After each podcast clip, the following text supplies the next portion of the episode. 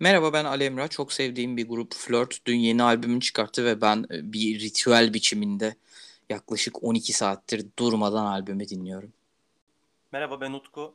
Laptopumu evdeki televizyona kablosuz bağlamayı öğren öğrendiğimden beri hayatım oldukça kolaylaştı. Abi hoş geldin. Ee, Merhaba. Bugün e, biraz daha farklı bir konudan konuşacağız. Aslında yolumuz spor ve bugünkü konu da sporla alakalı olsa da işin biraz daha farklı boyutuna girmeye çalışacağız. Her zaman yaptığımız gibi. E, bugünkü başlığı ritüelden rekorlara olarak belirledik. E, işin biraz daha rekorlar e, boyutundayız. Yani sporun nasıl şekillendiğiyle alakalı günümüzde. E, biraz daha küreselleşme ve endüstriyelleşme kapsamında da aslında konuşuyor olacağız rekorlardan bahsettiğimiz zaman. E, dolayısıyla aslında biraz da konu geleneksel sporlardan modern sporlara geçiş gibi dursa da e, önceki dönemlerde sporun daha farklı e, kullanılması veya ortaya çıkışıyla alakalı da bir şeylerden bahsediyor olacağız. E, istiyorsan e, ritüel kısmından biraz başlayalım. E, ben sözü sana bırakayım burada. E, ritüel derken e, ne anlatmaya çalışıyoruz e, veya spor o dönemlerde nasıl kullanılıyordudan e, günümüze gelen şöyle yine e, birbirimizin merak ettiği şeylerden oluşan yayınımıza başlayalım abi. Teşekkürler. Ee, yani burada programın adını ritüelden rekora koymamızın nedeni iki kavram üzerine tartışacağımız için değil, e, bir timeline aslında, bir zaman çizgisi. Yani başlangıçta ritüel olan ve şu anda rekor olan hedefle hedef doğrultusunda. Daha doğrusu buna bir hedef demek yanlış. Buna ne denir? Ee, yani sporun sporun temel amacı diyebiliriz. Spor dediğimizde aklıma aklımıza gelen ilk işlevsel kavram sporun karşılığı nedir? Spor ne için yapılır? Birçok soru sorabiliriz bununla ilgili. Ee, bu nedenle hani sporun boyut değiştirmesi, sporun amacının, kapsamının boyut değiştirmesini vurgulamak için böyle bir başlık seçtik aslında ritüelden rekora diye. Bu aslında bir kronolojik bir zaman çizelgesinde sporun evrimini, e, sporun insan için ne ifade ettiğinin evrimini e, gösteriyor. Ritüel kelimesini yani bir kelime anlamı olarak düşündüğümüzde din, tapınma, büyü ve geleneksel tören gibi bir sürü anlamı var. Ayin de deniyor ritüele eş anlamlı bir kelime olarak sporun e, ritüel e, kısmı yani e, ilk ortaya çıkış döneminde işte antik Helenistik dönemde de bunu e, söyleyebiliriz. Daha öncesi için de söyleyebiliriz. Önceki podcastlerde ihtiyaçtan doğduğundan bahsetmiştik. E, aslında bu bunun paralelinde düşünmek lazım. E, o zamanki bir ihtiyaç, dini törenler, dini ritüeller, ayinler bir ihtiyaç, bir ihtiyacını karşılıyor toplumun ve toplumun içerisindeki bireyin. E, spor da bu ihtiyaçlar doğrultusunda e, dini törenlerin içine entegre edilmiş diyebiliriz kimi zaman. Kimi zaman da sportif organizasyonlar dini öğelerle bezenmiş diyebiliriz. Ne gibi? E, örneğin antik dönem olimpiyatlarının e, dini bir tarafı olması e, ve tanrılar huzurunda yapılıyor ve tanrılara m, ithafen e, yapılıyor olması nedeniyle bütün savaşların olimpiyat oyunları sırasında durması örneğin. E, bu oyunlar oyunların açılışındaki e, birçok e, dini pratik yani e, oyuncuların yaptığı hareketler ya da sembolik e, objeler Bunlardan bahsedersek bu program 3 gün sürer zaten. Yani burada aslında ihtiyaç kavramı üzerinde durmak istiyorum ben daha çok. Zaten hani ritüelden rekora dediğimizde o dönemki yani sporun bir ritüel çerçevesi içerisinde değerlendireceği dönemdeki ihtiyaç neydi? Şu anda ne ihtiyaç var da bu bir rekora dönüştü. Aslında sabit kalan şey ihtiyaç. Sporun mantığı dönüşse de. Yani ihtiyaca cevap veren şey. Hep bahsediyoruz yani hani işte endüstrileşmesi futbolun ve diğer sporların e, ihtiyaç ne? Oradan talep edilen şey ne? Spor nasıl bir enstrüman olarak kullanılıyor? Bu noktada e, ritüel boyutunu yani o zaman çizelgesinde ilk dönemlere gittiğimizde Ee, söyleyebileceğimiz şeyler çok fazla. Ben hani şu örneği vermek isterim. Ee, Helenistik dönemde mesela Anadolu'da ki bu coğrafyada yaşıyoruz. Yani bunlar seyahat edip gidip görebileceğimiz yerler olduğu için bu örneği vermek istedim. Örneğin Batı Anadolu'da Helenistik dönemde milattan önce 300 ve milattan önce 30 yılları arasındaki çağda e, tipik örnekler bulabileceğimiz yerler var. Örneğin Asos, e, Pergamon, Bergama yani, e, Güllübahçe, Priene, e, Miletos ve Eski Hisar'daki e, Helenistik çağ kalıntılarının içerisinde e, kentin bir parçası olarak burada yani bu saydığım e, şeylerin en popüler olanı yani bir tatil beldesi olarak ve ben de aynı ilin sınırları içerisinde yaşadığım için işte Asos var ve Bergama e, ya da ikinci olarak alabiliriz. Burada yani bu örnekleri çoğaltabiliriz tabii ki. Helenistik dönemde kentin yapılarının içerisinde her kentte yani her Helen kentinde, antik Yunan kentinde görülen bir yapı var. Bunun ismi cimnazyon. Yani e, bu bugün gym diye kısalttığımız spor merkezlerinin o dönemki halleri diyebiliriz. Yani e, bu cimnazyon kelimesini yani GYM'nin e, bugüne yansıması bu, bu cimler. Yani kelime kökeni buradan geliyor aslında bu antik e, Yunan'daki e, kent yapısında bulunan ve spor alanı olarak kullanılan yapılardan geliyor. Bu cimnazyonlar hem Helenistik dönemde hem Roma İmparatorluk çağında hamam ile birlikte kullanılıyor genelde. Yani e, Asos bölgesini ziyaret edip o bölgedeki e, cimnazyonları inceleyeceğim diyorsanız aslında hamamlara da bakabilirsiniz. E, Apollon Simintreus tapınağı e, yakınlarında bildiğim kadarıyla bir hamam var. O bölge hala kazılar devam ediyor. Sürekli aktif olarak yeni bir şeyler çıkıyor. Tamamlanmış bir hmm, tamamlanmış bir hikayesi yok aslında oranın. Yani elbette bir hikayesi var e, ama buluntular, bulgular, e, kazılar devam ettiği için her gün gün ışığına e, yeni bir öğe gün ışığına çıkıyor ve hikaye güncelleniyor. Ama ortak olan şey dediğim gibi bugünkü spor merkezleri yani jimler buna adını veren jimnazyon denen yapılar o dönemki kentin spor yapılan yerleri ve yani jimnazyon hamam kompleksi gibi düşünebilirsiniz. Yani bu e, biraz basitleştirelim ve sadeleştirelim. Her e, jimde bir duş var ve işte sporunuzu yapıp duşunuzu almanız gerekiyor gibi düşünebilirsiniz. Bu yüzden hamamlarla birlikte bu yapılar yine ihtiyaç doğrultusunda. Ve işte e, örneğin şimdi burada konuşurken ben de çok merak ediyorum Apollon Siminthios'un yakınlarında bir hamam olduğunu biliyorum. O hamamı da gezmiştim. E, ama cimnazyon var mıydı orada onu hatırlamıyorum. Belki de henüz buluntular ortaya çıkmadı. Hmm, ya da ben dikkatli bakmamış olabilirim.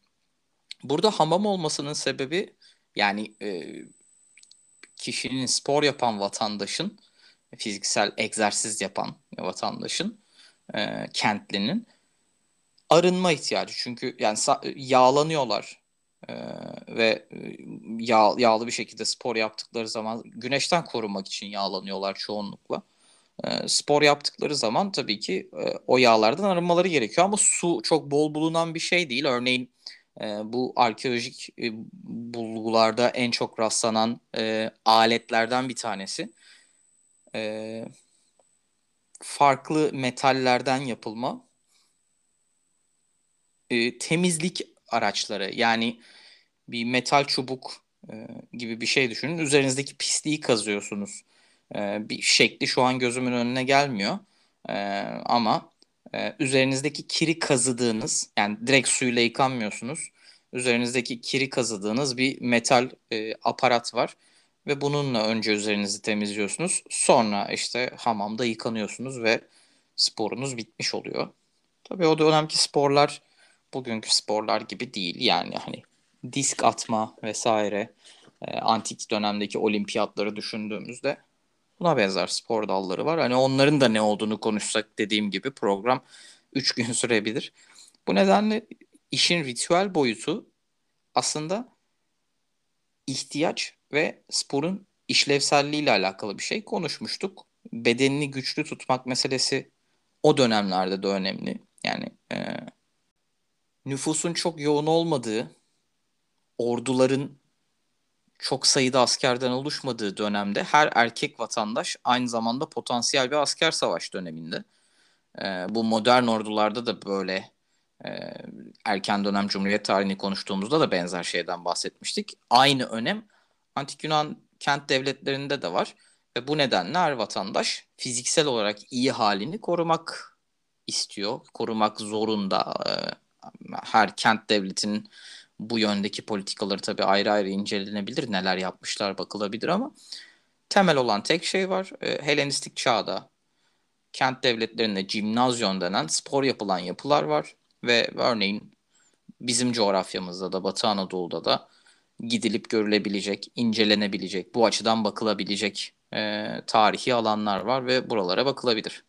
Biraz fazla konuştum istersen senin sözü sana devredeyim ben bu noktada. Evet abi sen de e, bahsetmek istediğimiz şeyi aslında oldukça güzel açıkladın. İşin ritüel kısmını. E, burada dini ritüel diyebiliriz ama ritüelin kelime anlamında e, zaten dini olduğu e, belirtiliyor. Ben belki işte böyle askeri ritüel e, ya da işte oyunsal bir e, ritüel olarak da e, düşünebiliriz diye şekillendirmiştim kafamda ama e, tanımını kontrol ettiğimizde dini bir şey olduğundan bahsediliyor ritüelin.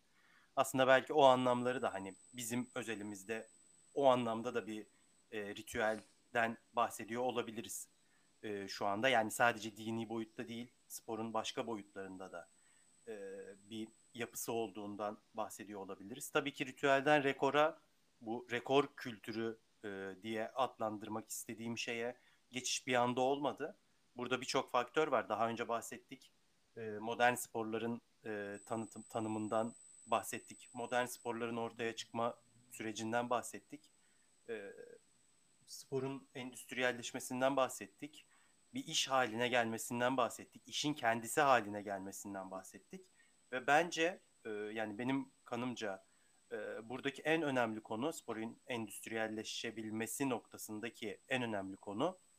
E, tekrar söyleyeceğim bunu. Sporun izlenen bir yapıda olması yani izlenen bir şey olması.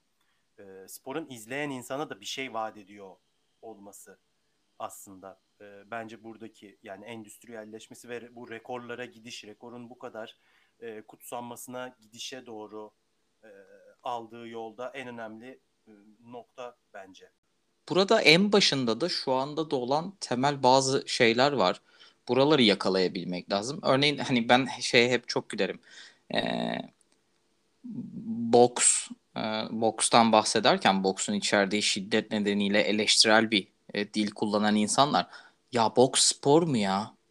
Böyle bir spor olamaz gibi bir e, yargıda bulunuyorlar. E, daha önceki podcastlerde bahsettik mi hatırlamıyorum ama spor kavramının ortaya çıkışı zaten boksla başlıyor. Yani insanın elini bir silah olarak kullanmaya başladı başlamasıyla, elini bir silah olarak kullanabileceğini anlamasıyla e, hayvanlara karşı kendini koruması için e, ve sonrasında bunu bunun egzersizini yapma, e, bunun egzersizini karşılıklı olarak yapma. Eli bir silahsa başka bir insana karşı da kullanabilir. Bunun antrenmanını, egzersizini yaptığı zaman bir spor ortaya çıkmış oluyor. Senin de dediğin gibi burada işte balık avlama diyelim. Balık avlama ihtiyacın var.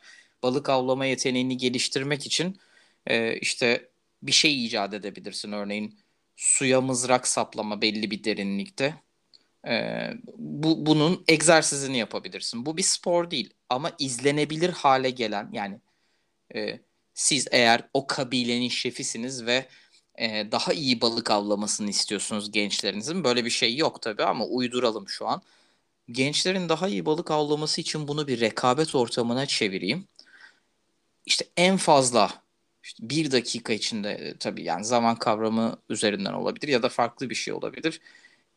Bir hedef koyarsınız. Beş tane genç o balık avlama yetenekleri üzerinden birbiriyle yarışır ve en iyisine, en hızlısına, en kısa sürede en fazla işte balığa saplayana e, mızrağa bir ödül verirsiniz ve bunu izlenebilir bir şey haline getirirsiniz. Bu işte bu noktada o spor olmuş oluyor orada çünkü amacınız o balığı avlayıp pişirip yemek değil. balık avlama yeteneğini geliştirmek için bir oyun icat ettiniz siz orada. Burada güzel bir noktaya parmak bastın. Yani biz rekor yani sporun rekorlar peşinde koşan atletler tarafından artık yapılan bir şey olması. Atletler, futbolcular. Yani bu genel olarak İngilizce'de zaten hepsine atlet deniyor. Yani Ronaldo da bir atlet aslında. Ee, bu, bu, bu seviyeye pat diye gelmiyorlar. Yani bir anda ritüeller yani dini öğelerle bezenmiş bir antik dönem sporundan doğrudan rekora koşan sporcular olmuyor. E, modernleşmeyle eş zamanlı düşünebilmek lazım. Modern sporlar, modern sporlar dediğimiz şey modernleşmeyle yani endüstrileşmeyle birlikte ortaya çıkıyor. E, üretim, üretim üzerinden düşünmek gerekiyor. Şimdi burada birçok şeyi birleştirmemiz gerekiyor. E, bir ihtiyaç olmalı dedik. İşte üretim döngüleri e, ve bunun bir süre sonra boş zaman aktivitesi ve oyun haline gelmesi. Yani ihtiyaç amaçlı yeteneğini geliştirmek ve o ihtiyacını karşılamak amaçlı yapılabilen bir şeyin bizzat işin kendi kendisi haline gelmesi. Spor sporun dönüşümü. Bu noktada hani kavramsal teorik şeyleri yani soyut düşünceyi biraz daha somutlaştırmak adına bu noktada e, bir şeyden bahsetmek isterim abi. Burada bu ayrımı e, yapabilmek adına hani e, geleneksel sporlar diyelim işte antik dönemde bahsettiğimiz spor ve modern sporlar arasındaki farklarda burada Alan Gutman bir e, tanımlama yapıyor ve e, belli maddelere ayırıyor ikisinin arasındaki farkları. E, buradaki birinci madde laiklik. E, spor ve din arasında bağlantı olması aslında yani bu ritüel kısmının artık e, olmadığını söylüyor e, modern sporlarda. Birincisi eş, e, ikincisi özür diliyorum eşitlik.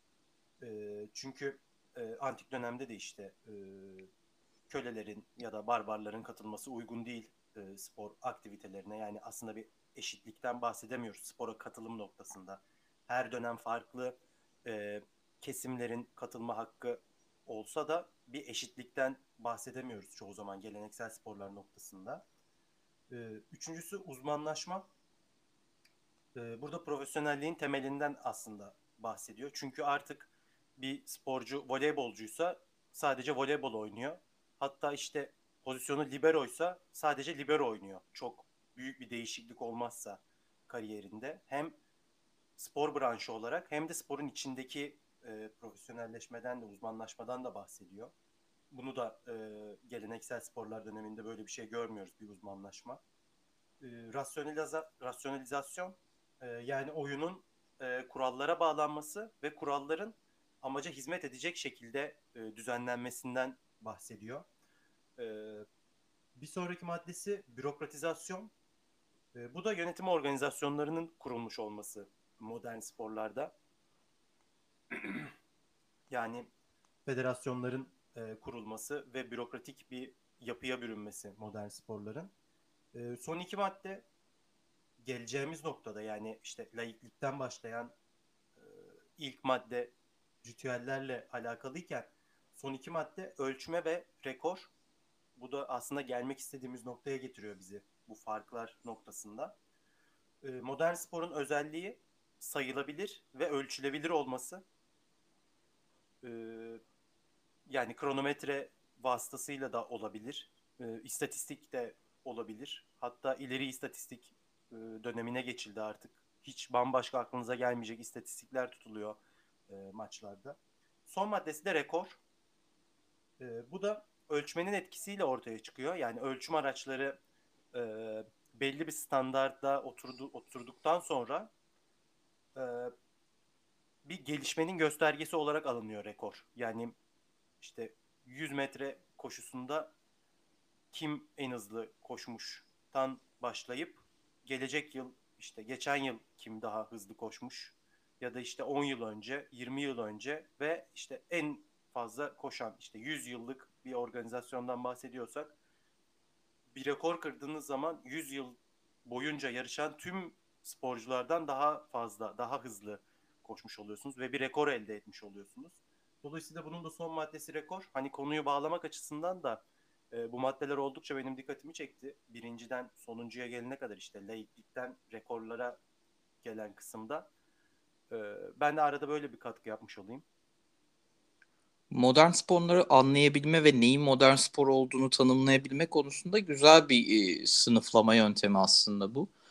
E, çok, çok net bir şekilde yani laiklikten bahsederken e, biraz daha endüstrileşme ile birlikte düşünüp işte 200 yıl geriye giderken bir anda sen her maddeyi ekledikçe biraz daha günümüze geldim aslında zihnimde ben. Hmm, yani bu günümüze gel yani günümüzde rekorlarını hesapladığımız ve senin e, Gatman'ın bahsettiğin e, tariflerine uyan tüm sporları e, ele alabiliriz. Popüler olanları ele alabiliriz. Bu noktada geriye dönüp o sporların ortaya çıkış süreçlerini inceleyebiliriz. Ama ben bugün bunlardan bahsederken işte ne futbol, ne basketbol, ne voleybol bunları kullanmadan aslında belki de çok fazla insanın bilmediğini düşündüğüm, çok fazla insan bilmiyordur diye düşündüğüm bir spor dalından bahsedeceğim. Bu hem bu çok popüler bir spor değil şu an ama profes yani e, profesyonel demeyeyim modern spor olarak senin anlattığın bütün tanımlara uyan ve çok net hayati bir ihtiyaçtan doğan bir spor. Yani futbolu ya da basketbolu düşündüğünüzde hayati bir ihtiyaçtan doğan sporlar değil bunlar. Ee, yani balık avlama işte o mızrak vesaire örneği verdiğimiz gibi. Bu sporun adı yani bu, bu, bu spordan biraz detaylıca bahsedeceğim ben. Bunun üzerinden e, belki çok konuşabiliriz, tartışabiliriz. E, Gatman'ın sınıflandırmaları üzerinden e, nerelere varabileceğimizi görebiliriz. Bu sporun adı Phil Yeppen.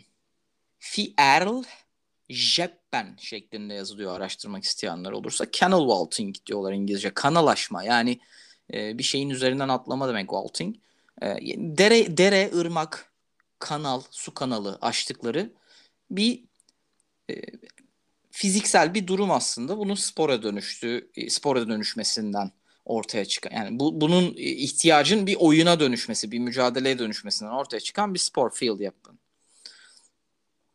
E, Almanya bölgesinde yani bu aslında e, Frisia denen yani Batı Almanya ve Kuzey Hollanda'yı kapsayan e, bazı bölgelerini kapsayan tarihsel adıyla Frisia bölgesi denilen bölgede bu kullanılıyor. Alman bölgelerinde ismi doğru telaffuz ediyorsam eğer Pulstock Springen tek bir kelime bu bileşik kelime yapmayı seviyor Almanlar e, şeklinde.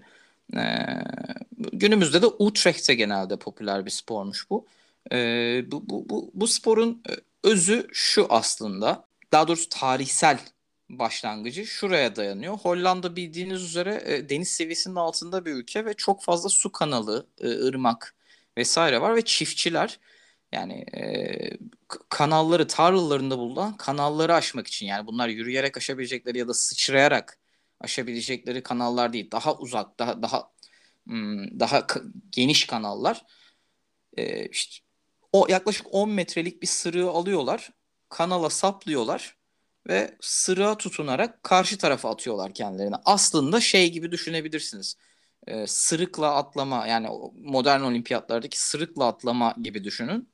İşte e, o zamanki çiftçiler tabii çok koşmuyorlar. Saplıyorlar sırığı karşıya atlıyorlar. Fakat spor haline dönüşmüş şekli e, koşarak yapılan bir şey. E, Google'ladığınızda ve videolarınızı videoları izlediğinizde çok net göreceksiniz bunu tabii ama ben biraz konuşarak, size anlatarak bunu zihninizde canlandırmanıza yardımcı olayım. Kanala saplanmış bir sırık var. Bir iskele gibi bir şey de yapılıyor bu şu an tabii. E, yani bir spor organizasyonuna dönüştüğü için. Uzun bir iskele düşünün. İskelenin ucunda e, suyun içine saplanmış bir sırık var. Sırığın batmaması için de sırığın alt kısmı yuvarlak düz bir tabakadan oluşuyor. Zeminle, suyun zeminine girmemesi için. Sporcu sırığa doğru koşarak geliyor sırığı kavruyor ve kendini karşı kıyıya doğru yani toprağa doğru atıyor. Şimdi bu noktada e, sırığı kavradıktan sonraki e, atletik becerileri çok önemli. Tabii yani koşu koşu da bir atletik beceri. Çok çok yönlü bir spor aslında. İyi koşmanız gerekiyor. Sırığı kavradığınız nokta çok önemli. Yani belki sıçrayarak kavrayabilirsiniz. Şimdi hedef karşı kıyıda en uzağa düşme. Yani bunu sırıkla atlama gibi düşünebilirsiniz. Ama bir yandan da aslında 3 adım atlama ya da uzun atlamadaki mantık da var. Yani sıçrıyorsunuz ve en uzağa düşen kazanıyor. Sırığa tutundunuz. Sırığa koşarak gelip tutunduğunuz anda sırık artık böyle bir yelkovan gibi diğer tarafa doğru eğilmeye başlıyor. Bir binanın yere doğru devrilmesi gibi. Bir çubuğu yere koyduğunuzda diyelim bir tarafa devrilmesi gibi. Şimdi daha uzağa atlayabilmeniz için sırığı çok yukarıdan tutmanız, tuttuğunuz yerden sonra da daha yukarıya tırmanabilmeniz lazım. Yani şu anki sporcular şunu yapıyorlar. Videoları izlediğinizde de dediğim gibi çok net bir şekilde bunu görebilirsiniz. Sırığa doğru koşuyor, sırığı kavruyor, sırık karşı kıyıya doğru devrilirken sırığa tırmanmaya başlıyor. Yani düşene kadar yani düşmeden önceki bir saniyeye kadar tırmanmaya devam ediyor ve kendini toprağa bırakıyor. En uzağa düşen de kazanıyor. Bu aslında çiftçilerin kullandığı yöntem bu değil tabii ki. Çiftçiler sırı saplıyorlar, kendilerini karşıya atıyorlar. Ee, belki yine eski videoları da göreceğiniz e, bazı kaynaklar bulabilirsiniz Google üzerinden. Ee, dediğim gibi birçok sporu birçok sportif beceriyi içinde barındırıyor. Koşmanız gerekiyor, sırığı kavramanız gerekiyor, sırığa tırmanmanız gerekiyor ve karşı kıyıda kendinizi en uzağa doğru atmanız gerekiyor. Ee, bu bir ihtiyaçtan doğmuş. Hollandalı çiftçilerin e, tarlalarındaki kanalları geçebilmeleri ihtiyacından doğmuş. Sonra bu yaptıkları şey bu ihtiyaçtan çıkmış. Yani bu böyle bir ihtiyaç yok. Ama bunu eğlenmek için boş zaman aktivitesi olarak yapmışlar. Sonrasında da işte bunu bir yarışmaya çevirelim. Burada bir mücadele olsun, rakip olsun ve bir kazanan olsun dedikleri noktada aslında e, 1771 yılına e, uzanıyor. E, bazı kaynaklarda 1767 olarak e, ilk turnuvanın düzenlendiği e, söyleniyor ama ilk resmi müsabaka yani bilinen e, müsabaka 1771'de yapılmış.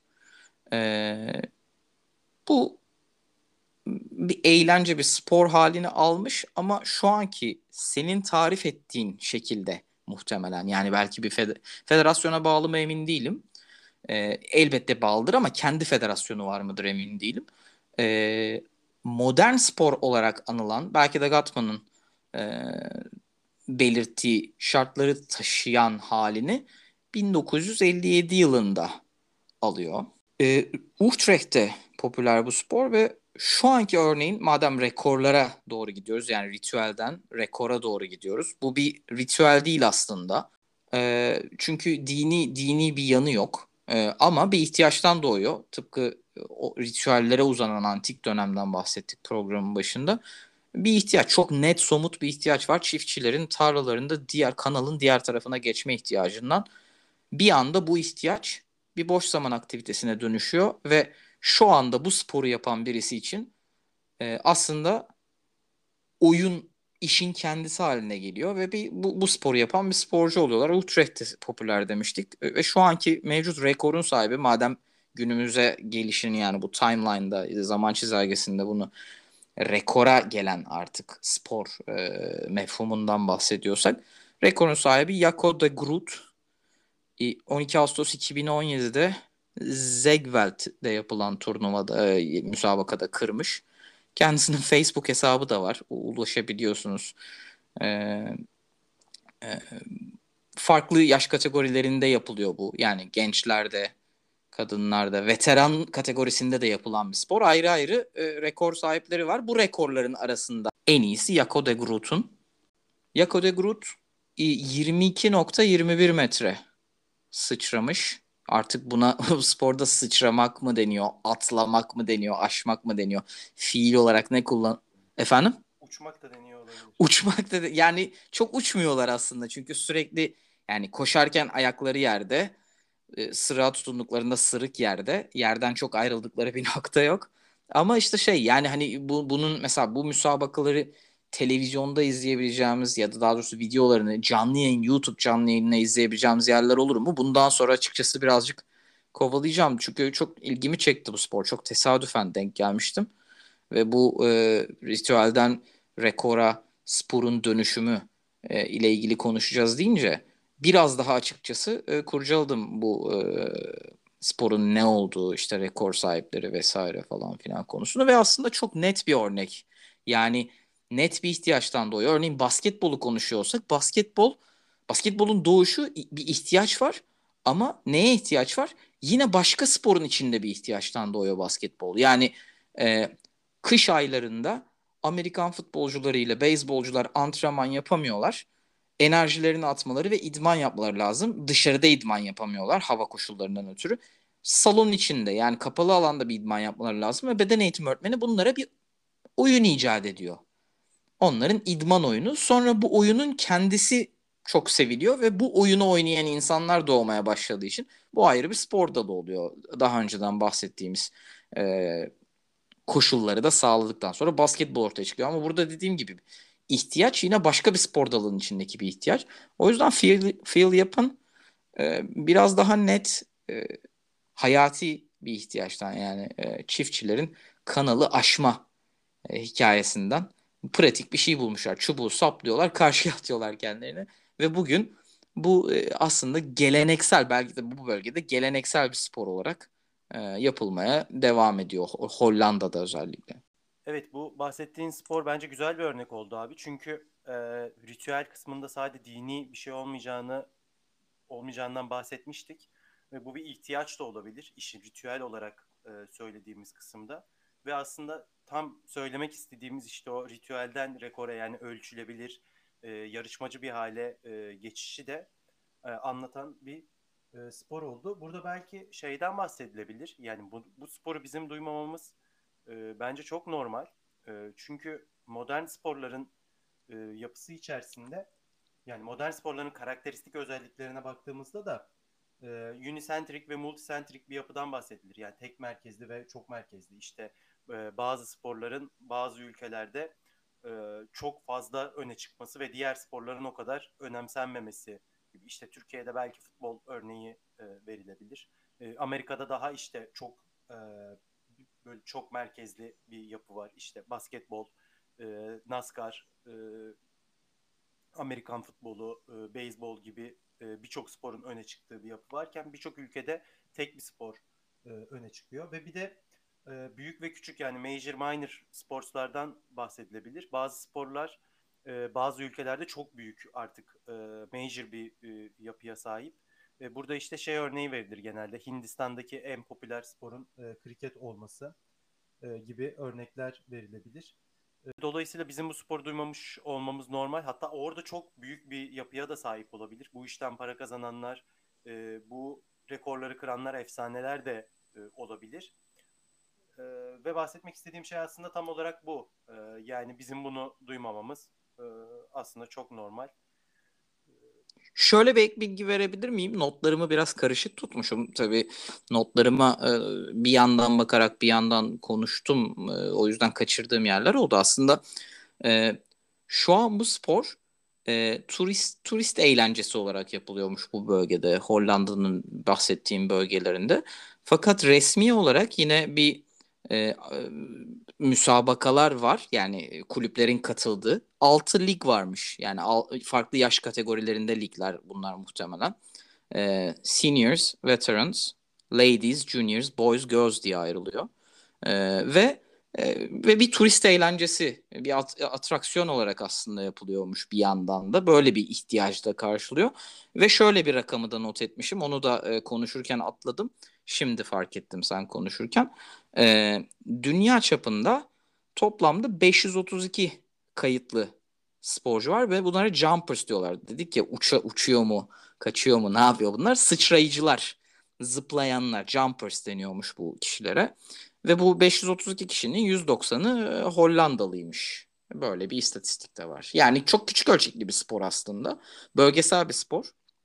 Ama e, işte bu ihtiyaçtan nasıl doğar, nasıl bir spor haline gelir? Ondan sonrasında ne olur bu iş? işte rekorlar yani işte bu işin bir rekor sahibi var. Ama işte biz bu sporu niye bilmiyoruz? Mesela bun, bunun üzerinden bunu da konuşabiliriz. Belki de işte bu sporu yapabilmek için suya ihtiyaç olması, yeterince izleyici çekmiyor olabilmesi ol, olması olabilir. Ee, bir meta değeri olmaması olabilir. Yani satılabilecek bir şey değildir. O kadar eğlenceli değildir. Yani turist eğlencesi olarak yapılacak kadar eğlencelidir belki. Yani Hollanda'ya tatile gittiğinizde bölgesel olarak orada ya da işte Hollanda'nın haricinde de nerede yapılıyorsa e, aa evet ya bunu deneyebiliriz dediğin şeyler olabilir ama çok büyük boyutta yani hani merkezi bir spor olacak, dünya çapında yayılacak bir ilgiyi yakalayamamış olmasının çokça nedeni olabilir. Fakat bazı kavramları anlayabilmek adına Bu spor gelmişti aklıma sen konudan bahsedince. O yüzden birazcık detaylı bahsettim bundan. Sanki e, böyle izlerken e, ben bunu yaparım gibi düşünülen sporlar daha fazla izleniyorlar. Yani işte hep bahsediyoruz ya işte futbolun bu kadar izleniyor olması belki de en kolay yapılabilen spor olması. Yani iki tane taş koy, taş koymanıza bile, bile gerek yok. Yani bir tane top, hatta top olmasına da gerek yok. İşte küçükken yaptığımız gibi çorapları iç içe geçirerek bir top yapıp e, birbirimize atarak bir anda futbol oynayabiliyoruz. Başka hiçbir araç gerece gerek yok. E, aklıma hep öyle bir şey geliyor. Yani e, doğru mudur değil midir bilmiyorum ama sanki e, bir futbol maçı izlerken işte e, söylediğim gibi e, kendini orada hayal edebiliyorsun. Yani bu şey değil işte ya ben orada olabilirdim gibi bir şey değil. E, daha çok böyle kendini o an içerisinde hayal etme gibi. Belki bununla daha önce karşılaştığın için, bir yerlerde oynadığın için işte halı sahada, sokakta, evde oynamış olsan bile kendini onun içinde hayal edebiliyorsun. Ama e, işte artistik, jimnastik izlerken e, kendini onun içinde hayal etmek biraz zor geliyor. Belki e, izlenebilirlik noktasında bunun bir etkisi var mıdır bilmiyorum ama bu böyle e, bazen aklıma gelir böyle aslında e, merak ettiğim bir şey. Bunu da en çok şeyde fark etmiştim. Yani hiç denemediğin bir sporu deneyince aslında bunu anlayabiliyorsun. E, işte Erasmus programıyla Portekiz'e gittiğimde ben rugby dersi almıştım. Rugby oynamaya başladığım zaman yani bambaşka bir dünya olduğunu görmüştüm onun da ve daha sonra bir süre rugby maçlarını takip ettim, rugby izledim. E, belki hani böyle denemeyle e, kendini onun içinde hissetmeyle de alakalı olabilir bu izlenme durumu. Sen ne düşünüyorsun abi bu konuda? Kesinlikle katılıyorum sana. Hatta yani biraz zihnim de açıldı aslında sen bunları söylerken. Ben de birazcık bu noktadan düşündüğüm için işte bu spor niye popüler değildi? Bir kere bu spor suya ihtiyacın olan bir spor. Bugün en popüler sporları saydığımızda aklımıza gelen bunun içinde su suda yapılan sporlar çok fazla değil. Çünkü tam olarak senin söylediğin nedenle insan çok kolay bir şekilde kendi de imite edebildiği yani kendi de bunu deneyebildiği sporları sanırım daha fazla izliyor. Yani bu daha önce halı saha maçı yaptığın için futbol maçı izlemek değil. Örneğin şöyle şimdi benim evimde şu an bir sehpa var ve ben ilk kez futbol izliyorum. Bir primatım diye düşün. Bu dünyaya böyle bırakmışlar beni. Bakıyorum işte iki tane direk bir de üst direk var. Bir tane işte kale dedikleri yerin içerisinden o topu geçirmeye çalışıyorsun. E benim orta sehpamın tam olarak böyle bir kale yapılabilme şansı var. Yani ben orta sehpamı kale yaparım. Çoraplarımı iç içe geçirip onu da top yaptığımda şu an ikimiz mesela burada, sen de burada olsan bir futbol maçı imite edebiliriz, yapabiliriz. Burada oynayabiliriz bunu. Bu kadar basit aslında. Ya da işte mutfakta e, dolabın kapağına asılı bir tane çöp kovan var ve şu an yanımda bir tane peçetem var buruşturduğum. Onu şimdi fırlatmayı deneyip olan acaba sokabilir miyim oraya? Basket atabilir miyim? Hani hepimiz yapmışızdır ya. İşte sınıftaki çöpe bir şey atarsın, sokamazsın. Sonra şey derler böyle. Ulan bir de basketbolcu olacaksın falan derler ya böyle. Tam olarak tam olarak bu aslında. Yani deneyebilme şansın ne kadar yoğunsa, ne kadar olasıysa izlediğin sporu e, Aynısını yapmak zorunda değilsin. Benzer şekilde bir kale var. Ben de o topu bir yerden geçireceğim. Top yok kola kutusuna ezerim. Çorabımı şey yaparım. İşte basketbol topunu sepete sokmam da çöp kovasına e, silgimi atarım. Ya da işte çöp kovasına buruşturduğum sandviç kağıdını atarım. Burada sanırım evet dediğin gibi yani hmm, bir bu kısmı var. Kurallarının basit olması yani anlaşılabilir olması. Yani ortada bir mücadele var. Çok basit e, herkesin anlayabileceği ne kadar fazla insan bunu anlayabilir ne kadar basit olursa bu kurallar ve ortaya da bir rekabet çıkarması lazım tabii bu basitliğin içerisinde. Yani çok böyle dinamikler var ama temel dinamikleri bunların üzerinde dönüyor popüler sporların ve dediğim gibi başta söylediğim gibi hani bu spor benim beni çok heyecanlandırdı. Ee, ama mesela ya ben bunu denemek isterim dedim izlerken. Ama dışarı çıkıp deneyemedim. Ya da evde de deneyebileceğim bir şey değil bu. Yani bunu deneyebilmem için e, benim bir ırmağa, nehre bir de işte 10 metrelik bir sopaya ihtiyacım var. Yani bunları temin etmem gerekiyor. Ki bu sporu yapmak için de değil. Bu sporu imite edebilmem, yani bu sporu taklit edebilmem için, benzerini yapabilmem için. Yani bunlar bunlar prodüksiyon gerektiren şeyler, zaman ve para harcamam gerektiren şeyler ya da işte Hollanda'da nerede yapılıyormuş bu? Oradaki otellere bakıp sırf bu sporu yapmak için bir seyahat organize edebilirim. Yine bir maliyeti var bana. Zaman maliyeti var, nakit maliyeti var. Birçok şey var ama futbol ya da basketbol bahsettiğim gibi yani bunu deneyebilmek adına ha yani şey field open tesisleri olsaydı etrafımızda bunu çok kolay deneyebilirdik. Yani fut, şey demek istemiyorum. Halı saha var dışarıda, basketbol sahası var dışarıda. Deneyebiliyorum demedim. Bunları örnek vermedim zaten. E, kolay kolay taklit edilebilir şeyler daha popüler oluyor tabii ki. Evet yani burada şeyden de bahsediyoruz bir yandan aslında. Ee, yapılan sporun e, sahadaki teknik e, gerektirdiği teknik kapasiteden de bahsediyoruz bir yandan. E, çünkü işte senin bahsettiğin gibi işte eline sırık alıp hemen atlayamayacaksın orada. Hani topa vurduğun kolaylıkla ya da işte dövüş sporlarını imite ediyorsan işte yumruğunu sallamak kadar e, kolay bir şey onu imite edebilmek ama e, yani taklit edebilmek onu. E, ama e, senin bahsettiğin gibi bu bambaşka bir teknik yeterlilik ve teknik bir kapasite gerektiriyor. Aynı şekilde işte e, bir buz e, patenini de e, ayağına geçirdiğin gibi e, o izlediklerin gibi olmuyor. Hani belki e, bir yandan da işin teknik e, gerektirdiği teknik kapasiteyle de alakalıdır. E, şimdi buradan e, biraz daha rekorlar kısmına e, geçiş yapalım istiyorum abi. E, bir kere şuradan bir e, giriş yapalım. E, yani spor konuştuğumuz zaman mutlaka işin bir boyutu olimpiyatlar olmak zorunda. Bunlar e, mega organizasyonlar. İşte futboldaki Dünya Kupası'nı söyleyebilirsin. Şampiyonlar Ligi'ni söyleyebilirsin. Basketboldaki NBA'yi ya da e, Euro Ligi söyleyebilirsin.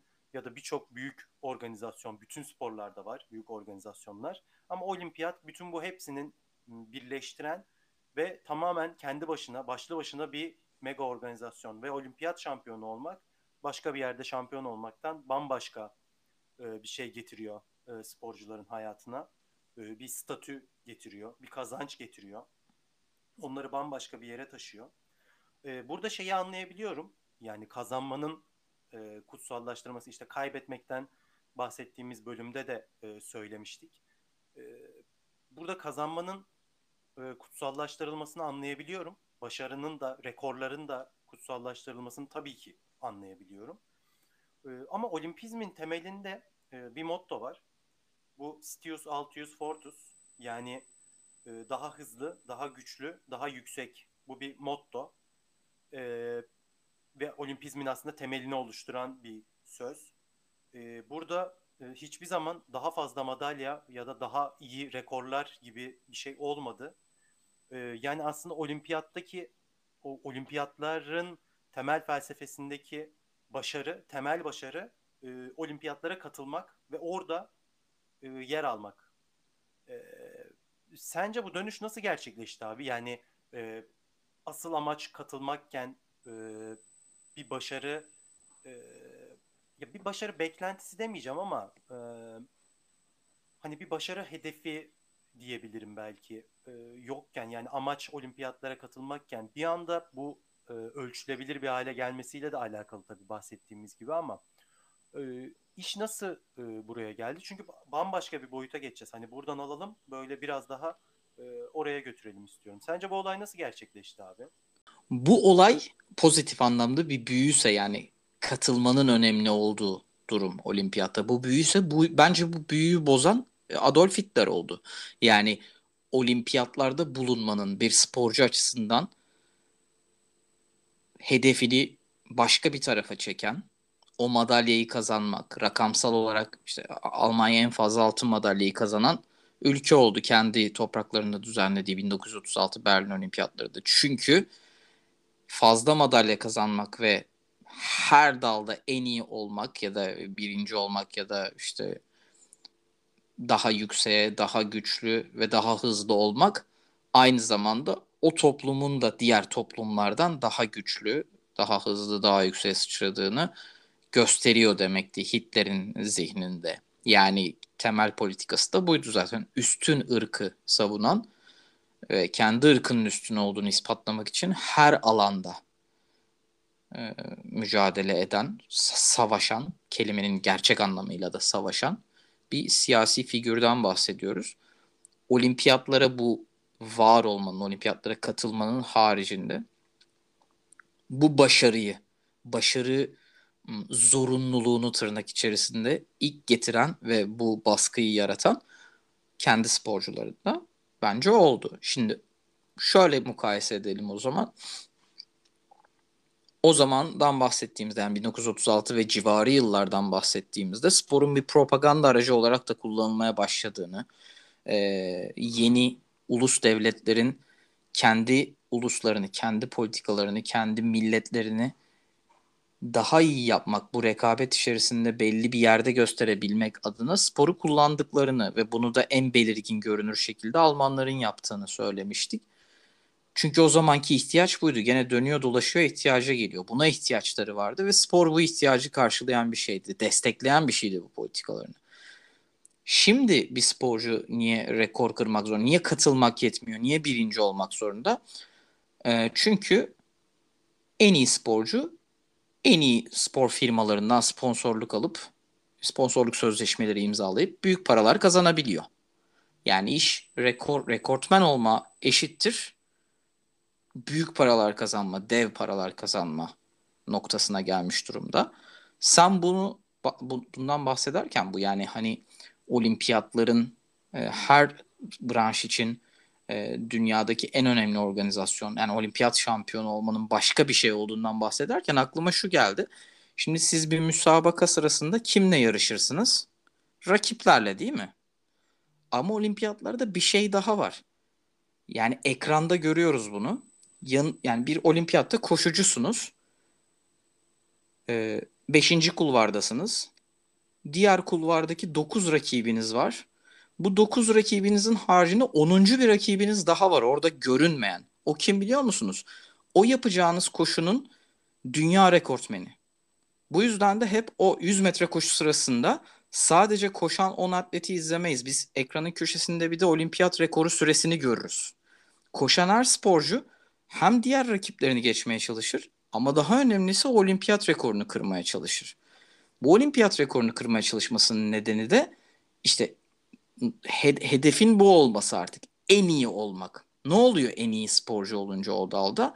Benim aklıma ilk gelen şey yani prestij eşittir. Şu anda da işte büyük sponsorluk anlaşmaları en iyi firmalar başarısız e, ya da risk başarı e, ihtimali düşük olan sporcuya değil daha önce başarıları kendini ispatlamış rekortmen sporcularla büyük sponsorluk sözleşmeleri imzalıyorlar. Evet aynı zamanda işte bu endüstriyelleşen yapıyla birlikte yani bu bu konuyu senin aynı bu söylediğin konuyu endüstriyelleşmeden dolayı olduğunu da e, söyleyebiliriz ve e, yeni yetişen sporcuların da tam da bu yapıya özgü e, yetiştiklerini de anlayabiliyoruz artık. Yani amaç bir yandan da aslında bu. Çünkü artık yalnızca maddi değil yani maddi kazanç için evet bir boyutu. Sonuçta bu insanlar da bir yerde ailelerini geçindiriyorlar diyebiliriz. Ya da her işin bir karşılığı olduğu gibi bu işin de tabii ki bir karşılığı var maddi olarak. Ee, ama manevi olarak da e, yani bu oyuncuların vitrinde sergilenmesini e, sağlayan bir yapıdan bahsediyoruz aslında. Ve özellikle sosyal medyanın e, gelişmesiyle birlikte işte aklıma gelen örnekler e, NBA'de oynayan bir sporcunun taktığı kolluğu e, biz burada bir tane e, çocuğun yani mahalle arasında top oynayan bir çocuğun e, da taktığını görüyoruz. E, ya da işte oyuncuların artık hatta kendi markalarını oluşturduğunu ve bu markalar üzerinden e, satışlar yaptığını, böyle sponsorluk anlaşmaları olduğunu biliyoruz. E, yani bu yapı e, bu işte endüstriyel yapı bahsetmeye çalıştığımız endüstriyel yapı bu bir yandan da tabii bir bunu anlatırken globalleşmeden de yani küreselleşmeden de bahsetmiş oluyoruz. Aslında hepsi iç içe bunları belki tek tek kavramlaş, kavramsallaştırmaya gerek yoktur. E, bilmiyorum ama hani konunun içinde aslında bunlardan da e, bahsetmiş oluyoruz. Belki de şu, şundan da bahsetmek lazım. Ee, burada yani rekortmen üzerinden aslında bir idol almaya geçtik. Yani hani o çocuğun da, evet. iki evet iko, bir ikon haline geliyor. Bu noktada aslında e, sporun özünden uzaklaşılan bir nokta var diye düşünüyorum. Sen ne dersin buna? Yani yine basketboldan örnek verelim. Yani biz e, sonuçta basketbolda birçok küçük çocukla çalıştık. İlk defa basketbol antrenmanına gelen çocuklarla da çalıştık. Belli bir basketbol bilgisine sahip çocukla da çalıştık. Ee, yani bunlara mesela doğru şutu öğretmeye çalışıyorsun sen. Doğru şut tekniğini öğretmeye çalışıyorsun. Fakat bir ikon var. Stephen Curry diye bir ikon var ve doğru bir şut tekniğiyle atmıyor fakat inanılmaz bir şutör. Şimdi işte kolluk meselesini söyleyince sen geldi aklıma. Ee, yani çocuk izlenebilir bir şey artık. Çok kolay Stephen Curry maçları izleyebiliyor. Antrenmana gelmeden bir gece önce onu izliyor. Onun gibi bir şutör olmak istiyor ve onu taklit ediyor.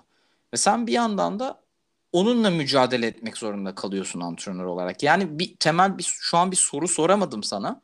Ee, ama e, demek istediğim şey yani bu rekortmen kişiler yani bu rekortmen kişiler evet alanında o en iyisi. Ama ido, ikon olan kişiler yani çok iyi bir şutör, markalaşmış bir gitarist, e, işte onun gibi çalmak ister herkes. E, yani popüler ben bu adamı çok sevdim. Ben bu kadının bu yaptığı tarzı çok sevdim. Ben de onun gibi olmak istiyorum demekte herkes çok özgür. Ama işte mesela yanlış şut tekniğiyle şut atan çok iyi bir şut. Yani iyi şutörden kastım isabetli hani ölçülebilirlikten bahsettik. Sonuçta sonuç sonuca bakıyoruz. Onun gibi şut atıyor. Onun kolluğundan takıyor. Onun ayakkabısını giyiyor. Yani onun ayakkabısını giymesinde kolluğunu takmasında bir problem yok antrenör olarak benim açımdan ama onun gibi şut atmasında var. Çünkü ben onun gibi şut atmasını istemiyorum. Ben doğru şut, kendi gibi şut atmasını istiyorum. Doğru şut atmasını istiyorum. Doğru teknikle. Ve bu çok zorlayıcı olabiliyor bazen antrenörler için. Ya aslında yani bir, bir yandan da ben böyle bir farklı açıdan da düşündüm. Tabii ki onu izlemesinde bir sakınca yok. Ee, onun gibi olmaya çalışmasında da bir e, sakınca yok. Ama işte bahsettiğin Stephen Curry işte NBA tarihinin en iyi şutörü olarak gösteriliyor. Ee, bu, bu, bu işte enteresan bahsettiğin şey ama bir yandan ben şöyle de bakıyorum abi. Ee, benim de oyuncu olarak e, gelişimimde e, izlemek e, yani o görsel görsellik bir, bir oyuncuyu izlemek ve onun gibi olmaya çalışmak çok büyük bir yer edinmişti. Aslında olumlu bir yanı da var bu söylediğimiz şeyin.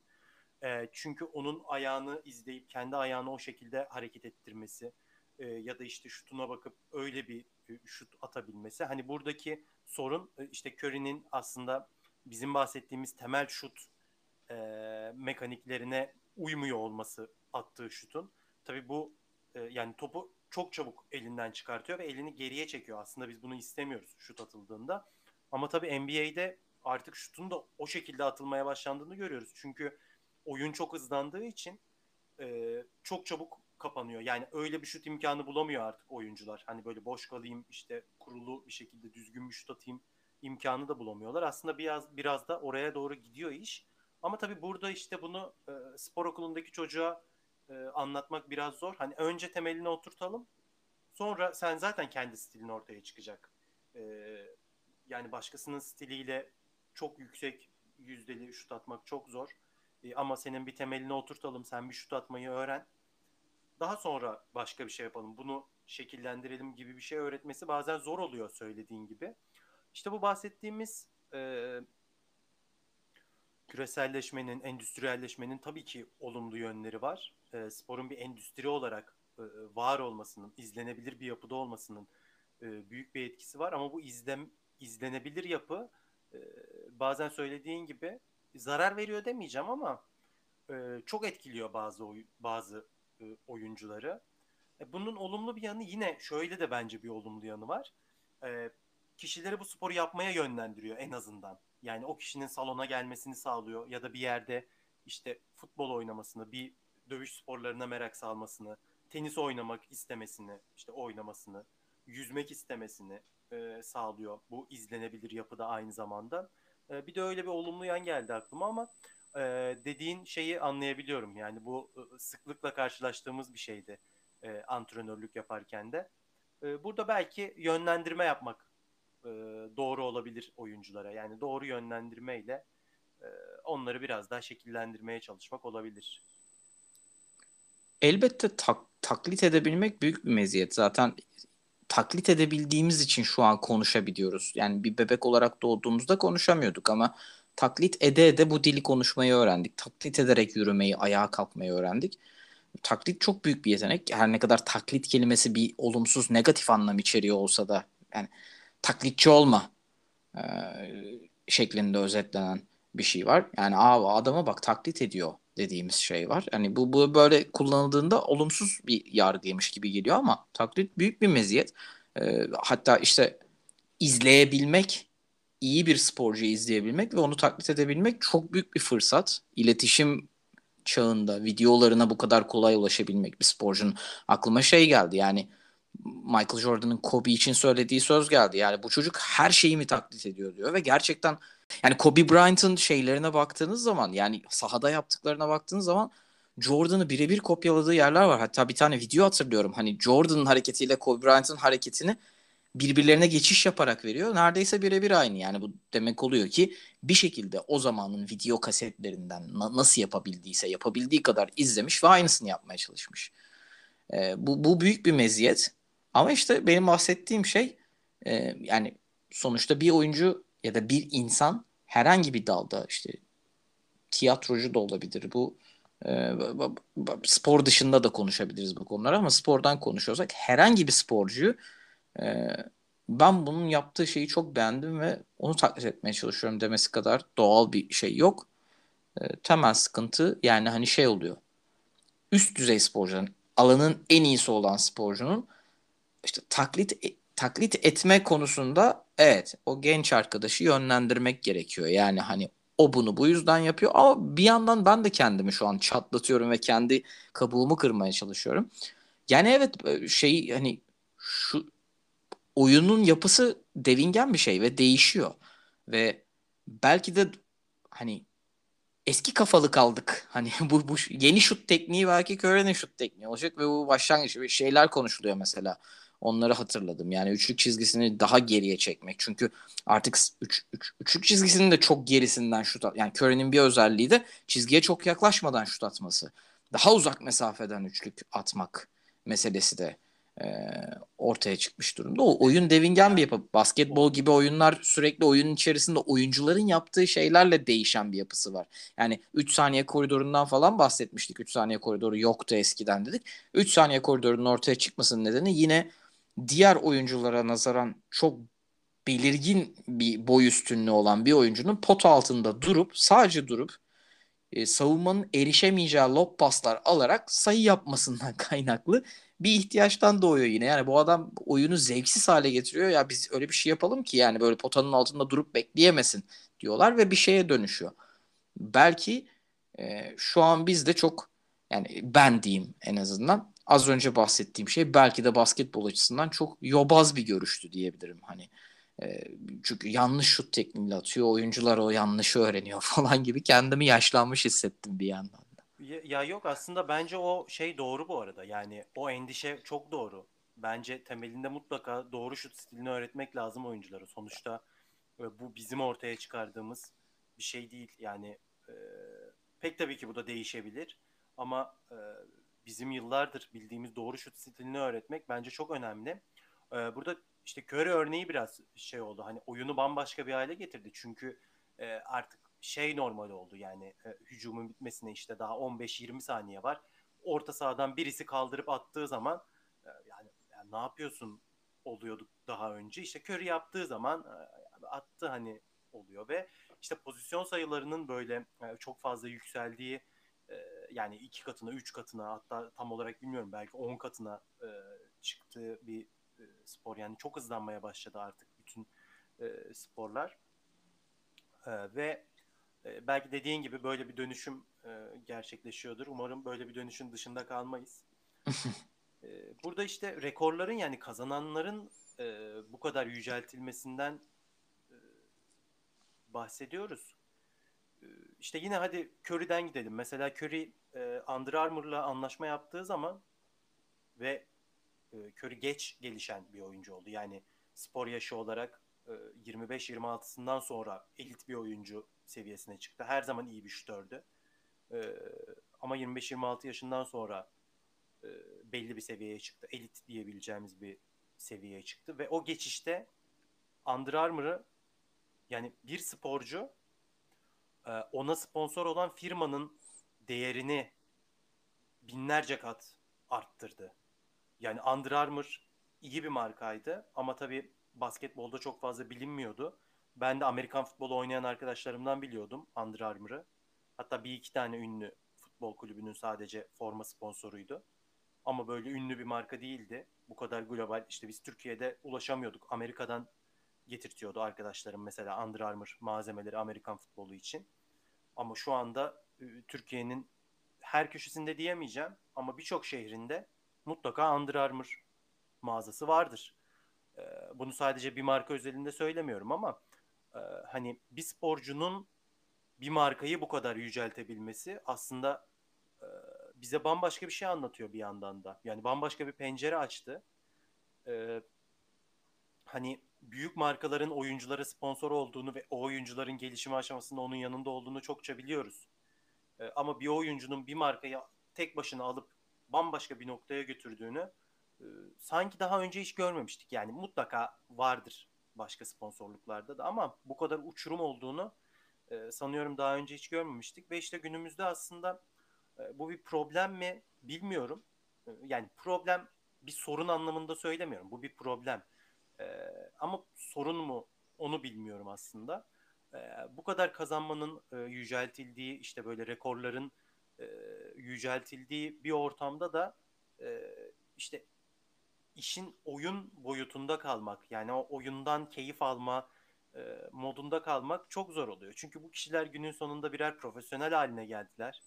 E, senin benim belki hayatımız boyunca göremeyeceğimiz e, paraları bir sezonda kazanıyorlar birçoğu. E, ve işte biz hala böyle izlerken e, işin oyun boyutunda e, kalmasını istiyoruz ama artık spor bambaşka bir endüstri e, kendi başına, başlı başına bir endüstri. E, bunu sadece şey olarak düşünmemek lazım. E, işte bir yönetici, bir antrenör, bir oyuncu ekseninde düşünmemek lazım. İşte bu oyuncuların oynadığı sahalara bakım yapan e, personellerden e, onlara su getiren personellere ya da e, işte bilet satan firmada çalışan biletçi arkadaşa kadar e, bunun etkisi bambaşka bir boyutta. Yani sporu sadece böyle kendi içindeki kazancıyla değil, etrafındaki sektörleri de etkileyen kazancıyla bir değerlendirdiğimizde nasıl bir endüstri olduğunu anlayabiliyoruz. Ee, işte bahsettiğimiz gibi olimpiyatlar bunun en üst e, en üst kademesi bana kalırsa ve buradaki e, rekor kültürü de e, bambaşka bir yere gidiyor artık ee, yani rekorların yüceltilmesini tabii ki daha önce söylediğim gibi anlayabiliyorum. Ama bu oyuncuların birer sosyal medya figürü olarak işte giydikleri kıyafetler, taktıkları gözlükler, sevinç hareketleri, e, tartışmaları, özel hayatları işte bunlar böyle e, aşırı bir şekilde gündemde kalıyorlar ve hepsi e, aslında bahsetmek istediğimiz gibi birer rol model haline geliyorlar. Bir ikon haline geliyorlar. Rekoru kırmak her zaman önemli olmuştu prestij açısından ama işte e, Stephen Curry'nin NBA'de gelmiş geçmiş üçlük rekorunu kırmasıyla Under Armour'ın e, pazar payı arasında çok doğrusal bir orantı olunca iş biraz daha işte e, bugün temelinde konuştuğumuz şeylere varıyor. E, ayrıca ya, Under Armour'ı işte Stephen Curry'e yatırım yaparak, doğru bir yatırım yaparak bugünkü e, bulunduğu konuma getiren bir net bir marka haline getiren ki ben şöyle söyleyeyim yani ben oyuncuyken basketbol ayakkabısı aramaya gittiğinizde e, standlarda Adidas Nike gördünüz. Adidas Nike üzerinden dönerken şu an basketbol ayakkabısı almak istediğimde evet ben sadece Under Armour yani tatmin edici modellerin hepsi Under Armour'da. Bunu bunu fark ettim.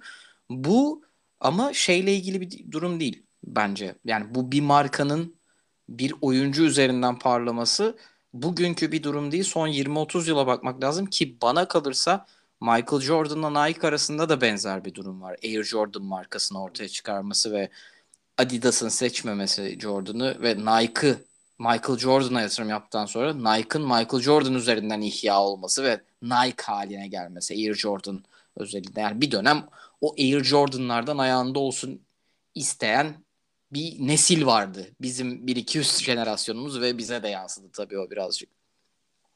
E, bu işte dediğim gibi yani hani e, piyasayla, piyasa mekanizmasıyla doğrudan ilgisi oluyor artık rekorun.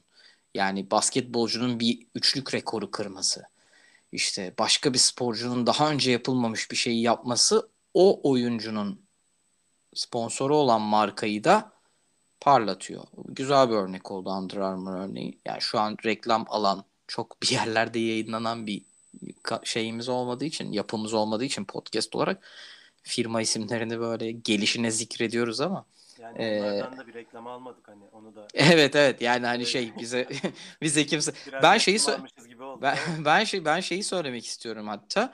Yani sen dedin ya şimdi Under Armour ayakkabı fiyatlarına baktığımızda tabii bir de euro kurunda hesap edersek çok pahalı basketbol ayakkabıları artık. İşte Curry geç e, ne dedin sen güzel bir terim kullandın orada. Geç kariyerinde kariyerini geç bulmuş, kendini geç bulmuş bir oyuncu mu dedin? Bir şey yani dedin. Daha ileri yaşlarda elit. İleri ileri yaşlarda elit olmuş bir oyuncu. Elit olmadığı yaşlardaki bir ayakkabısı vardı bende. End One End One'dı sanırım ayakkabı. Bu bir hangi takımdayken? Bir tendon sakatlığı geçiriyordu. Sonra tekrar dönüyordu. O sakatlığı geçirdikten sonra ona özel bir ayakkabı yapmıştı o zamanki anlaşmalı firması. Büyük ihtimalle End One'dı. Şeydi tendon kısmı açık ayakkabının. Böyle Batmobile gibi bir ayakkabıydı. Benim de o zaman bir ufak bilek sakatlığım olmuştu ve o ayakkabıyla çok rahat etmiştim arkası açık olduğu için. Ve inanılmaz ucuz yani inanılmaz ucuz demeyeyim de şu anla kıyasladığımda yani şu an ben bir akademik personelim ve bir basketbol ayakkabısı alırken bir hesap etmem lazım aylık harcamalarımı. Ama o zaman öğrenci halimle harçlıklarımla o ayakkabıyı alabilmiştim. Öyle bir kıyas yapabilirim. E, tabii şey yani hani şu piyasa dediğimiz şey de böyle yürüyor zaten. İşte Stephen Curry bir marka oluyor. Curry'nin ürünleri üzerinde 30 yazan şapkalar vesaire e, talep edenlere o oyuncuyu idol alarak alan oyunculara, genç oyunculara işte idmana giderken o kolluğu takmak, onun çantasını taşımak, onun ayakkabısını giymek bu da bir prestij haline geliyor. Ee, ve e, rekorun da temel olarak bunlarla bir bağlantısı var. Rekor dediğimizde 100 metre rekorunu düşünmemeliyiz sadece. Rekortman bir atlet dediğimiz gibi Curry de bir atlet. İngilizce'de bütün sporculara atlet deniyor. Ronaldo da bir atlet. Bunlar kendi markalarını oluşturmuş sponsorlar üzerine yani kendi markalarını oluşturmuştan kastım bir spor markası var.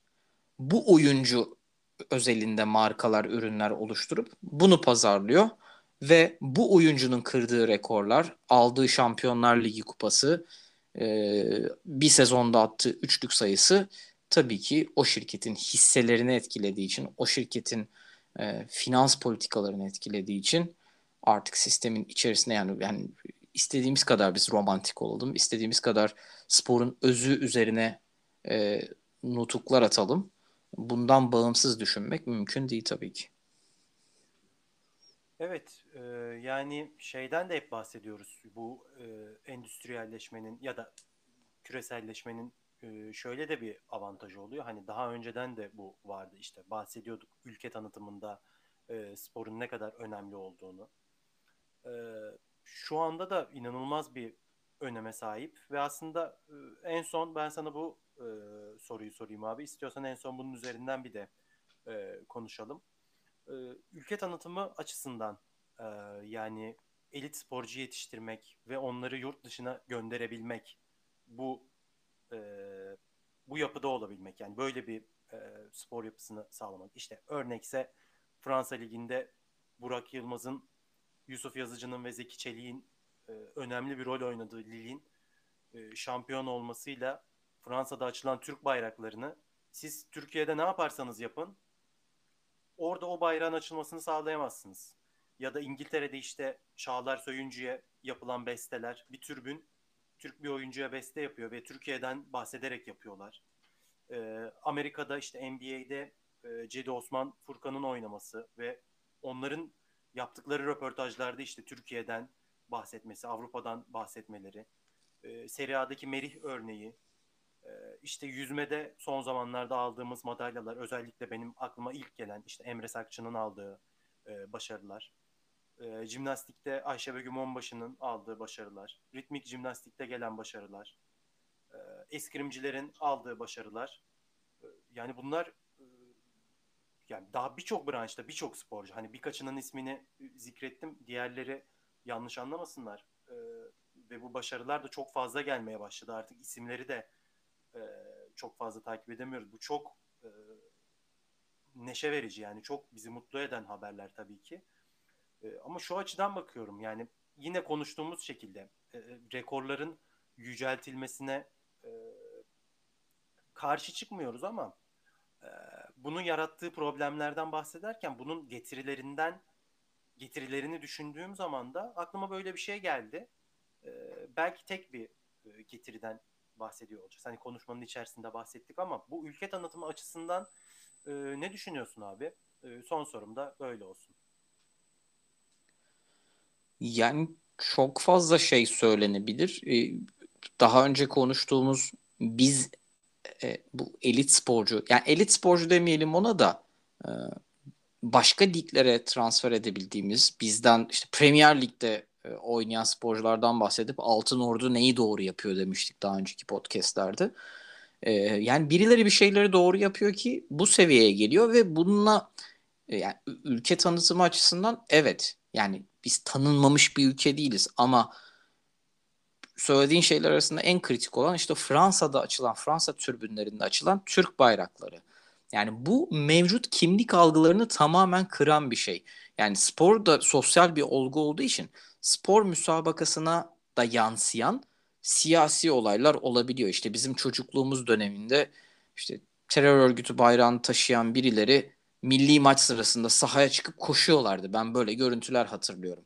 Şimdi bu mevcut siyasetin sporun içine bir şekilde burnunu sokması, dahil edilmesi falan gibi durum. Az önce bahsettiğin şey de bunun antisi, tam tersi. Yani e, bir sportif bir durum var. Belki o Türk bayrağını açan ya da işte o tribünler e, Burak Yılmaz hikayesinden önce, bundan iki yıl önce Türklerle ilgili görüşünü sorsan o Türk bayrağı açana sana çok olumlu şeyler söylemeyebilir. E, örnek farazi konuşuyorum. Genelleme yapmadan konuşuyorum ama bir sporcu Burak Yılmaz bir Fransız Fransız vatandaşının kafasındaki e, Türk algısını, negatif Türk algısını kırabilir. Yani işte Fenerbahçe'de oynayan Pelkas Yunan oyuncu ya da işte Yunan bir gardımız varken e, Yunanistan krizi yaşadık örneğin biz geçen sene e, Sulukas Fenerbahçe'de oynarken. Yani bunlar işte o Pierre Coubertin'in bahsettiği gibi sporun spor çok büyük bir barış şansı. Spor çok büyük bir anlama şansı. Ee, ve mevcut düzendeki e, kimlikleri kırabilen, o yerleşmiş bize öğretilmiş olan kimlik kalıplarını kırabilen e, ve herkesi insan üzerinden değerlendirebilme şansı sunan bir e, şey var. Sporun içerisinde böyle bir güç var aslında. Yine biraz romantik konuşuyorum az önceki konulardan sonra ama e, bu bu güç de işte yani bi, biz şunu diyoruz aslında ya bizim çocuklar. Zaten milli takımının da sanırım sloganı o bizim çocuklar değil mi? Yanlış evet, evet. yanlış hatırlamıyorum. Yani o çok güzel bir şey aslında. Yani buradaki temel mesele işte e, ırkçı anlamda ya da e, sert anlamda bir milliyetçilik değil burada bahsediyor. Bizim çocuklar yani biz bizim kim ya bizden bu toplumdan çıktı. Benim yanımdaydı arkadaşım Çağlar Söyüncü oldu. Yani bu bu aidiyetle alakalı bir şey. Ülkenin tanıtımından çok hmm, buradaki fonksiyonu yani dışarıdakinin biz algısı değil bizim biz algımıza çok fayda sağlıyor bence. Ya evet, yani ülke böldüm abi sözünü ama ülke tanıtımı olarak sormak istememiştim. Sen zaten anladın benim sormak istediğim şeyi ama e, ülke hakkındaki görüş olabilir. Türklük hakkındaki görüş olabilir yurt dışındaki. E, o boyutta aslında bir şey sormak istemiştim. Aslında hep pesimist bakıyoruz hayata. Yani ki bu bunun içinde geçerli sebeplerimiz var yaşadığımız koşulları değerlendirirsek. Ee, ama şunu görüyoruz bu sporcu yani bizim çocuklar, bizim kızlar, bizim kadınlarımız, bizim erkeklerimiz bir şeyler yaptığı zaman kendinde o iyi hissetme hali bu. Ayşe Begüm Onbaşı'nın başarısıyla gururlanmanın içerisinde çok fazla şey var. Herkesin bu, bu dev bir ortaklık işte ortaklık burada. Yani işte kimliği yaratan olgulardan bahsedildiğinde hep geçmiş geçmiş referanslar, ortak tarih, ortak kültür, geçmişe bir referans var ama şu anki kim yani modern toplumlardaki kimlik dediğimiz şey eskiye referanslı olan kimliklerde çok ayrışıyoruz aslında. Fakat yeni kimlik anlayışı belki de bunun üzerine kurulmalı. Yani bir, bir, birbiriyle kavga eden insanların Ayşe Begüm Onbaşı başarısında birleşebilmesi, o duyguda, duygudaşlık, bu, bu dediğim gibi bu e, milliyetçilik pompalayan bir şey değil. Tam tersi aslında e, kimliğin yeniden tanımlandığı bir dünyada yaşıyoruz. Ve buradan bir şey ortaya çıkacak. Sen demin başka bir şeyden bahsederken belki biz bir geçiş dönemiyiz mi dedim. Bir şey bir şey dedin yanlış mı hatırlıyorum onu? Yani bir, bir yere varacak bu, bu toplum, bu insanlık bir yere varacak ve hep varacağımız yerler konusunda işte küresel ısınmadan bahsediyoruz. Varacağımız yerler biraz e, distopik yerlermiş gibi düşünülüyor ama birbirimizi anlama, algılama konusunda da e, güzel yerlere varabileceğimiz potansiyeli, bu ihtimali de e, masanın üstünde en az negatif ihtimaller kadar gerçekçi bir şekilde duruyor diyebilirim kapatırken. Yani şöyle e, tabii ki e, kendi olduğumuz yerden baktığımız zaman e, distopik bir gelecek bizi bekliyor gibi düşünüyoruz. Ama daha önce işte e, hastalıklarla e, savaşan bir Orta Avrupa düşün.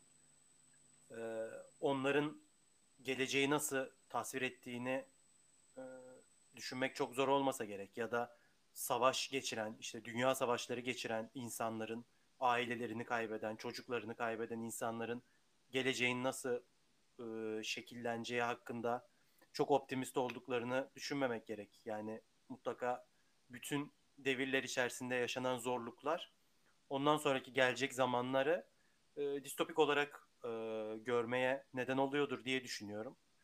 E, şimdi de tabii ki bizim olduğumuz yerden bakınca e, çok ütopik bir gelecek görünmüyor ama mutlaka e, şimdiden daha iyi herhangi bir açıdan daha iyi e, zamanlar olacaktır. E, işte e, bahsetmek istediğim şey benim de oydu abi aslında. Yani sen e, sen de e, söyledin. Araştırmak istediğim e, bu işe gönül vermemdeki nokta aslında o birleştirici güç sporun içindeki. E, spor birçok e, şeyden daha güçlü.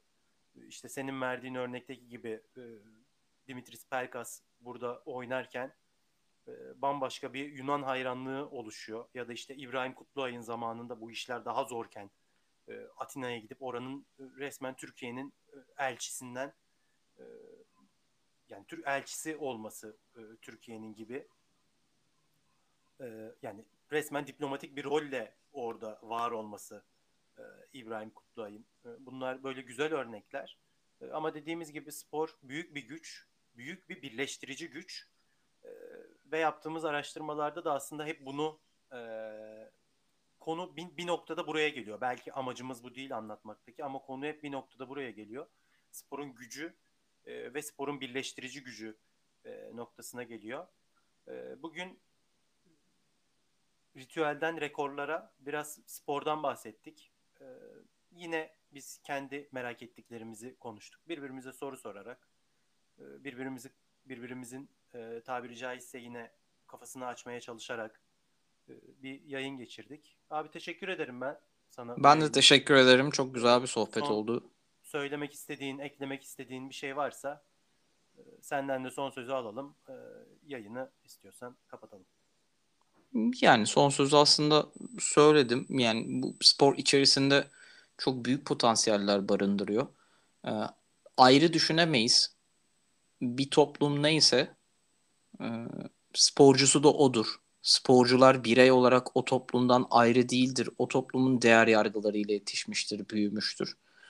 Ve senin de dediğin gibi herkesin gözünü ona çevirdiğinde bir figür haline gelir ve bu e, birçok açıdan gücünün yetmediği devletlerin, toplumların gücünün yetmediği yerde bir sözüyle bir şeyleri değiştirebilecek, daha iyiye götürebilecek bir e, potansiyeli de içinde barındırdığı için İbrahim Kutlay örneği çok güzel bir örnekti. E, umarım elit sporcular yetiştirmeye devam ederiz. E, kaliteli insanlar yetiştirmeye devam ederiz öncelikle. Biz kaliteli insanlar yetiştirebilirsek e, sporcuların da kalitesi yani o spor branşındaki başarısı e, değil sadece insan olarak kalitesi aslında bizim ne olduğumuzu gösterecek. Senin o sorduğun soruda ülkenin tanıtımı meselesinde o sporcunun kaç gol attığı evet çok önemli ama o duruşu da çok önemli. O duruşu önemli haline geliyor. Golü attığında gözler ona çevriliyor. Sonra da tavrıyla da aslında önce kendini sonra da içinden çıktığı toplumu temsil etmiş oluyor. Biz de aslında millet olarak da işte attığı golün haricinde o demeçte eğer işte kendimizden bir şeyler görürsek ya ne mütevazi adam baksana. Hani o mütevaziliği çok seven bir toplumuz aslında. Yani işte mesela Mesut Özil'in tavrının hoşumuza gidiyor olması bundan kaynaklanıyor. Dünya yıldızı bir adam. E, fakat tavrı hiç de işte ukala değil. İşte ne kadar da bizden biri. Kendini buluyorsun. İşte tam bu noktada e, bu sportif başarı gözleri bir insana çeviriyor. O insanın tavrı, üslubu ve işte biraz amiyane tabir olacak kumaşı da asıl bize gurur veren ve kendimizi bulduğumuz, mutlu olduğumuz nokta e, orası oluyor belki. Bir şey söylemeyeceğim kapatırken dedim ama yine üç buçuk dakika konuştu herhalde. Bu da benim özetim ve benim kumaşım sanırım. Evet, e, yani haftaya diyemeyeceğim. Hani haftaya görüşürüz diyecektim. Ama öyle bir şey yapmıyoruz. Bir zamanımız yok programları yüklerken. Öyle bir derdimiz de yok illa şu zamanda şu kadar program çıkartalım diye bir derdimiz de yok. Ee, biraz problemler üzerine konuşuyoruz. Ee, biraz merak ettiklerimizi konuşuyoruz aslında. Bir sonraki yayında görüşürüz diyelim o zaman. Evet bir sonraki yayında e, görüşmek üzere diyelim. Hoşçakalın.